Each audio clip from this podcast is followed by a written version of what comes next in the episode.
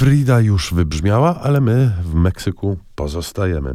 Bo oto ukazała się kolejna, i znowu jest to debiut, książka meksykańskiej młodej autorki. Nazywa się ona, ta autorka, Laja Hufresa. Dość specyficzne imię, nazwisko. Jufresa się pisze, jakby Państwo szukali. A tytuł powieści to Umami.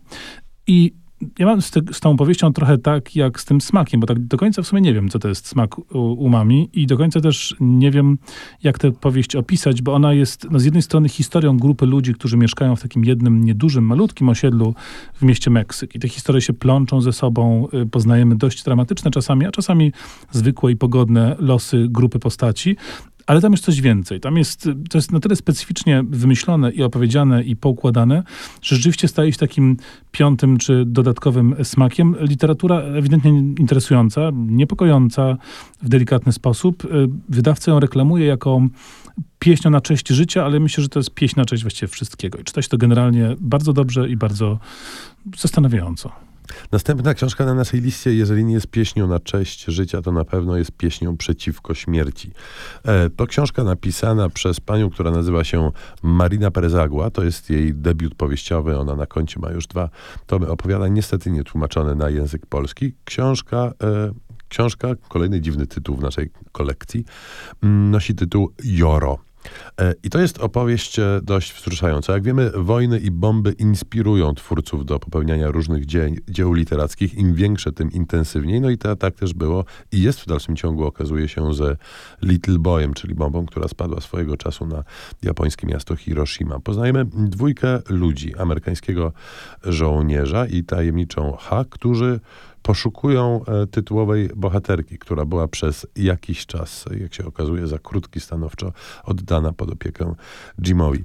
To książka, która rzeczywiście wytacza działa największego kalibru przeciwko wojnie i przemocy w jakiejkolwiek postaci, nawet jeżeli jest to przemoc polegająca tylko i wyłącznie na e, wykluczeniu. Dużo tu jest takich wędrówek w głąb ludzkiej duszy i psychologizowania, co może niektórym wydać się męczące, ale dla innych na pewno będzie to atutem tej powieści.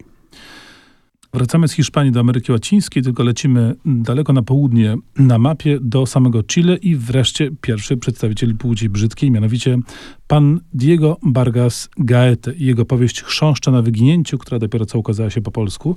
Ja mniej więcej rok temu byłem w Chile i wszędzie w księgarniach wtedy leżała ta powieść. Szczęśliwie się stało, że ona już tak szybko, jak na dzisiejszy obieg y, wartościowej literatury ukazała się w y, przekładzie na język nasz, bo rzeczywiście jest to książka, która bardzo dużo mówi o Chile, jest nieduża, bardzo zwięzła. Z początku wydaje się, że jest taka dość chaotyczna i rzuca takie krótkie epizody i scenki, ale to się wszystko potem bardzo pięknie komponuje w jedną y, spójną spójną całość i wychodzi z tego z jednej strony taka historia rodzinna, ale z drugiej strony historia o mrocznych sekretach Chile jako takiego. Tam znowu pojawiają się wątki, mówię znowu, bo to typowy temat dla kultury e, chilijskiej, wątki powiązania e, reżimu chilijskiego Pinocheta, czy w ogóle burżuazji e, chilijskiej, na przykład z pozostałościami po III Rzeszy Niemieckiej, różnego rodzaju tajemnicami dość haniebnymi, które ukrywają się tam w przeszłości. To wszystko daje taki wybuchowy koktajl, opowiedziany zarazem w taki bardzo prosty i spokojny sposób, a do tego wszędzie te chrząszcze, wszędzie te robaki, które są pewnego rodzaju motywem przewodnim i łażą po tej książce zarówno w sensie treści, jak i ilustracyjnym. To bardzo ciekawa, drobna rzecz, ale naprawdę nie warto jej przegapić.